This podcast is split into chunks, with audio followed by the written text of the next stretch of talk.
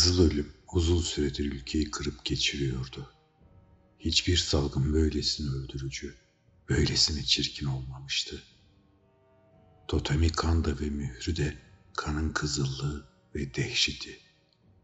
Keskin sancılar, ani bir baş dönmesi ve hemen ardından bütün gözeneklerden fışkıran kan ve ölüm.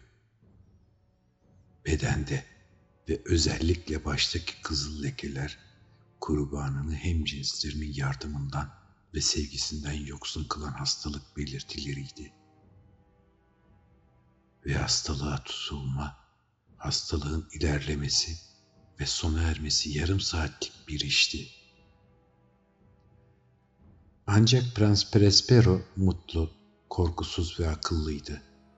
Ülkesinin nüfusu yarıya inince sarayındaki şövalyelerle leydiler arasından sağlığı ve neşesi yerinde olan bir arkadaşını huzuruna çağırarak bunlarla birlikte şatoyu andıran manastırlarından birine çekildi.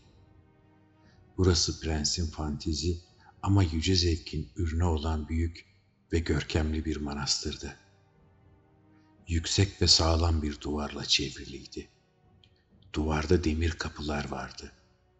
İçeri giren mahiyeti yanlarında getirdikleri demirci ocakları ve kocaman çekiçlerle sürgüleri eritip kaynattılar. Böylece manastıra girişte ani bir umutsuzluk ya da çılgınlık durumunda çıkış da imkansızdı. Manastırda yiyecek boldu. Saraylılar bu önlemlerin sonunda salgın hastalıktan korunmuş olacaklardı. Bu arada üzülmek ya da düşünmek saçmalık olurdu. Prens her türlü eğlence imkanını sağlamıştı. Soytarılar, şarkıcılar, balerinler, müzisyenler vardı. Güzeller vardı ve şarap vardı. İçeride bütün bunlar ve güvenlik, dışarıda kızıl ölüm vardı. Prens Prespero manastıra çekilişinin beşinci ya da altıncı ayın sonuna doğru dışarıda salgın bütün şiddetiyle devam ederken sarayda olağanüstü görkemlikte bir maskeli balı düzenledi. Her türlü şehevi duyguyu ortaya çıkaran bir tabloydu bu. Ama önce size balonun yer aldığı salonları anlatayım. Yedi oda vardı. Tam bir imparatorluk dairesi. Pek çok sarayda bu tür daireler uzunlamasına ve yan yanadır. Öyle ki aralarındaki kapılar kayarak iki yana açılınca ortaya büyük bir salon çıkar. Prensin acayip şeylere olan sevgisinden bekleneceği gibi burada durum farklıydı. Odalar o kadar düzensiz bir şekilde yerleştirilmişti ki bir bakışta birden fazlası görünmüyordu. Her 20 ya da 30 metrede bir keskin bir dönüş vardı ve her dönüş yepyeni bir etki yaratıyordu. Sağdaki ve soldaki duvarların ortasında uzun ve dar bir gotik pencere dairenin girinti ve çıkıntılarını izleyen bir koridora bakıyordu. Bu pencerelerde renkli camlar vardı ve bunun rengi de açıldığı odanın döşemesine hakim olan renkle uyumluydu. Örneğin doğu uçtaki maviyle döşenmişti ve camlar da maviydi. İkinci odanın döşemesi ve perdeleri mor, pencerenin camları da mordu. Üçüncü baştan aşağı yeşildi. Dördüncü turuncu ile döşenmiş ve aydınlatılmıştı. Beşinci beyaz, altıncı menekşe rengiydi. Yedinci dairenin tavanında ve duvarlarında yerdeki aynı renk halıya kadar inen siyah perdeler vardı. Ancak bu odada camların rengi süslemelere uymuyordu. Bu camların rengi kızıldı. Koyu kan rengi. Tavanlarından altın süsler sarkan ve öteberiye altın eşyalar yerleştirilmiş olan bu odaların hiçbirinde lamba ya da avize yoktu. Odaların içinde herhangi bir lamba ya da mumdan gelen ışık da yoktu.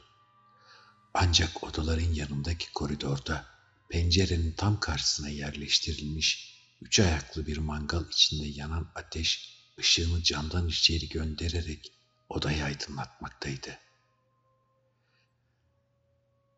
Böylece ortaya bir sürü olağanüstü ve çok renkli şekiller çıkmaktaydı.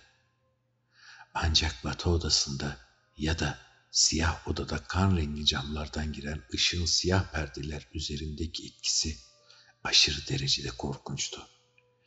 Ve içeri girenlerin yüzlerinde öylesine çılgın bir ifade yerleştiriyordu ki, konuklardan pek azı o odaya ayak basacak yürekliliği göstermekteydiler. Yine bu odada batı duvarı önünde abanoz ağacından dev bir ayaklı saat vardı. Saatin rakkası ağır, tek düze ve kump bir şakırtıyla ileri geri sallanırdı. Yelkovanı kadranı bir kere dönüp de saat çalınacağı sırada saatin tunç ciğerlerinden berrak, yüksek ve çok müzikal bir ses çıkardı. Ancak bu ses o kadar garip ve dokunaklıydı ki her saat başında müzisyenler ses dinlemek için bir andığını aletlerini bırakırlar ve vals yapanlar salonda dönüşlerini keserlerdi. Böylece tüm neşeli insanlar bir an durgunlaşırlardı ve saat çalarken en coşkunların sarardığı ve daha yaşlı ve daha ağırbaşlı olanların sanki hayale ve derin düşüncelere dalmış gibi ellerini alınlarından geçirdikleri görülürdü. Sesin yankıları sona erdiğinde topluluk hemen gülmeye başlar. Müzisyenler sanki kendi sinirlikleriyle ve saçmalıklarıyla alay edermiş gibi birbirlerine bakıp gülümserler. Saatin bir daha çalışında böyle bir duyguya kapılmayacakları konusunda birbirlerine fısıldaşarak söz verirlerdi. Ancak 60 dakika sonra saat çalarken yine aynı tedirginlik, aynı iç titremesi ve hayallere dalış görülürdü. Ancak bütün bunlara rağmen neşeli ve görkemli bir eğlenceydi bu. Prensin zevkleri bir garipti. Renkleri ve etkilerini çok iyi anlıyordu. Moda olanın kalıplarını önemsemezdi. Tasarıları cesur ve ateşliydi. Fikirlerinde barbarca bir parıltı sezilirdi. Onun deli olduğunu düşünenler de vardı. Ama çevresindekiler bunu kabul etmezlerdi. Deli olmadığından emin olmak için onu dinleyip görmek, dokunmak gerekliydi.'' Prens bu şölen için yedi odanın da süslenmesini kendi yönetmişti ve maskeli bolaya katılanların karakterlerini kendisi seçmişti. Bunların çok garip oldukları kesindi. Hernani'den bu yana pek çok kere görüldüğü gibi parıltı ve ışık ve hayalleri çalıştırıp ruhlara işleyen her şey yer almıştı. Kolları bacakları uyumsuz arabesk figürler vardı.'' Ancak bir delinin hayalinden doğabilecek çılgınca fantaziler vardı. Güzel çoktu, şehvet çoktu, garip çoktu ve insanda tiksinti duygusu uyandıran şeyler de az değildi.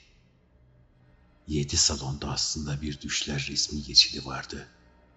Ve bunlar girip çıktıkça, odaların rengini aldıkça, orkestranın çılgın müziği de onların adımlarının yankılanmasını andırıyordu.'' Ve sonra kadifeli odadaki abonos saat çalıyordu. Ve o anda bir an sessizlik oluyor. Saatin çalış dışında herkes susuyordu. Düşler donuyordu. Ama saatin sesi hafiflerken sesin ardından hafif, alçak sesli bir kahkaha onu izliyordu. Müzik yeniden yükseliyor Düşler canlanıyor ve eskisinden daha büyük bir neşeyle ileri geri dans ediyorlar. Renklerini mangallardaki ateşin rengarenk camlardan giren ışınlarından alıyorlardı. Ancak yedi odanın en batısındaki olan yedinci odada maskelilerden hiçbiri yoktu artık. Çünkü gece uzaklaştıkça kan renkli camlardan daha da kızıl bir ışık girer ve matem perdelerin karalığı insanları daha bir ürkütür ve ayakları matem rengi halıya değenlerin kulaklarına abonos saatin boğuk sesi diğer salonların eğlencelerine kendilerini kaptırmış olanlara kıyasla çok daha ciddi bir şekilde vurgulanmış olarak gelirdi. Ancak diğer salonlar çok kalabalıktı ve bunlarda yaşamın kalbi büyük bir canlılıkla atmaktaydı. Eğlence saatin gece yarısını çalmaya başlamasına kadar devam etti. Daha önce de söylediğim gibi o anda müzik durdu, vals yapanlar dönmez oldular ve daha önce olduğu gibi her şey huzursuz bir şekilde kesildi. Şimdi saat 12 kere vuracaktı ve vuruşlar devam ederken daha çok zaman olduğu için kendilerini eğlenceye vermiş olanların, daha düşüncelilerin akıllarından daha fazla şey geçecekti. Ve sonuncu vuruşun yankıları kaybolmadan kalabalık içinde eğlenenlerin pek çoğu daha önce bir tek kişinin bile dikkatini çekmemiş olan maskeli birinin varlığını fark ettiler. Ve bu yeni kişinin varlığının dedikodusu kulaktan kulağa yayılırken kalabalıktan hoşnutsuzluk ve şaşkınlık belirtisi olan bir mırıltı ve sonra da bir dehşet, korku ve tiksinti omurtusu yükseldi. Size resmini çizmeye çalıştığım bu hayaller topluluğunda sıradan birinin ortaya çıkmasının böylesine bir heyecan uyandırmayacağı tahmin edilebilir. Gerçeği söylemek gerekirse, gecenin maske kullanımındaki hoşgörüsü hemen hemen sınırsızdı. Ancak söz konusu kişi bunların hepsini aşmış, hatta prensin bile sonsuz olan tahammülünün ötesine geçmişti.'' en umursamaz kimselerin yüreklerinde bile duygusuz olmayan noktalar vardır. Yaşamın da ölümün de birbirinden farksız şakalar olduğu, o tümden kayıp kişiler için bile şaka edilmeyecek konular vardır. Balodaki herkes yabancının kostümünde ve tavırlarında herhangi bir şakadan ya da zarafetten eser olmadığını ta yüreklerinde hissediyorlardı.'' Adam uzun boylu ve zayıftı ve tepeden tırnağa kadar kefene bürünmüştü. Yüzünü gizleyen maskesi kas katı kesilmiş bir ölüye öylesine benzetilmişti ki bunun gerçek olmadığını ancak çok yakından incelenerek anlayabilirlerdi. Çevresinde çılgın eğlenceye kendilerini kaptırmış olan insanlar bütün bunlara katılabilirlerdi. Ancak yabancı kızıl ölümün kişiliğine girecek kadar ileri gitmişti. Üstü başı kana bulanmıştı ve yüz atlarının tümü ve geniş anlı o kızıl dehşetle leke lekeydi. Prens Prospero gözleri bu düşsel yaratığa takılınca ilk anda ya korku ya da hoşnutsuzlukla titredi. Ama bir an sonra onun öfkeden kıpkırmızı kesildi. Yanındakilere bize bu lanet şakayla hakaret etmeye cesaret eden kim? diye sordu kısık sesle. Hemen şunu yakalayıp maskesini çıkarın da güneş doğarken surlara kime asacağımızı bilelim. Prens Prespero bunu doğu ya da mavi odada söylemişti. Kendisi cesur ve sağlıklı bir insan olduğundan ve elini sallayınca müzik kesildiğinden sesi yedi odada da gayet net olarak duyulmuştu. Prens yanında mahiyetiyle mavi odadaydı. Konuşmaya başladığında bu grup o anda yakınlarda olan ve prense doğru yaklaşmaya başlayan yabancıya karşı yürüdü. Ancak yabancının o çılgın kıyafeti herkeste öylesine belirsiz bir korku yaratmıştı ki kimse kendisini el sürmeye kalkışmadı. Yabancı hiçbir engelle karşılaşmadan prensin bir metre yanından geçerken bütün odalardaki insanlar sanki tek bir vücutmuş gibi hareket ederek odaların ortasından duvarlara çekildiler. Yabancı kendisini daha ilk bakışta diğerlerinden ayıran o ağır ve ciddi adımlarla mavi odadan mor odaya, mor odadan yeşile, yeşilden turuncuya, turuncudan beyaza ve oradan menekşeye geçti. Tek bir el bile kendisini durdurmak için uzanmadan. İşte tam bu anda kendi bir anlık korkaklığından utanan ve öfkeden çılgına dönmüş olan prens, altı odanın içinden koşar adımlarla geçmeye başladığında herkesin üzerine çöken o ölümcül korku nedeniyle ardından kimse gelmemişti. Prens hançerini çekmiş olarak uzaklaşmakta olan yabancının bir iki metre yakınına kadar geldi. Yabancı kadife odanın girişine vardığı anda birden dönüp kendisini kovalayan prense baktı. Tiz bir çığlık duyuldu ve hançer parıltılar çıkararak kara halıya düştü ve hemen ardından prensin ölüsü hançerin üstüne devrildi. O zaman umutsuzluğun verdiği çılgın cesaretle o dakikaya kadar çılgıncasına eğlenen insanlar abonos saatin gölgesinde dimdik duran yabancının üstüne atıldılar ve öylesine kaba bir hareketle ele geçirdikleri ölüm maskesiyle kefenin ardında elle tutulabilir bir şey olmadığını görerek tarif edilmez bir dehşete kapıldılar. Kızıl ölümün varlığı artık kabul edilmişti. Gece bir hırsız gibi gelmişti aralarına ve saraylılar eğlencelerin kanlı salonlarında birer birer yere yığılıp her biri düştüğü şekilde öldüler. Ve onların sonuncuları ile birlikte abanoz ağacın yaşamı da tükendi.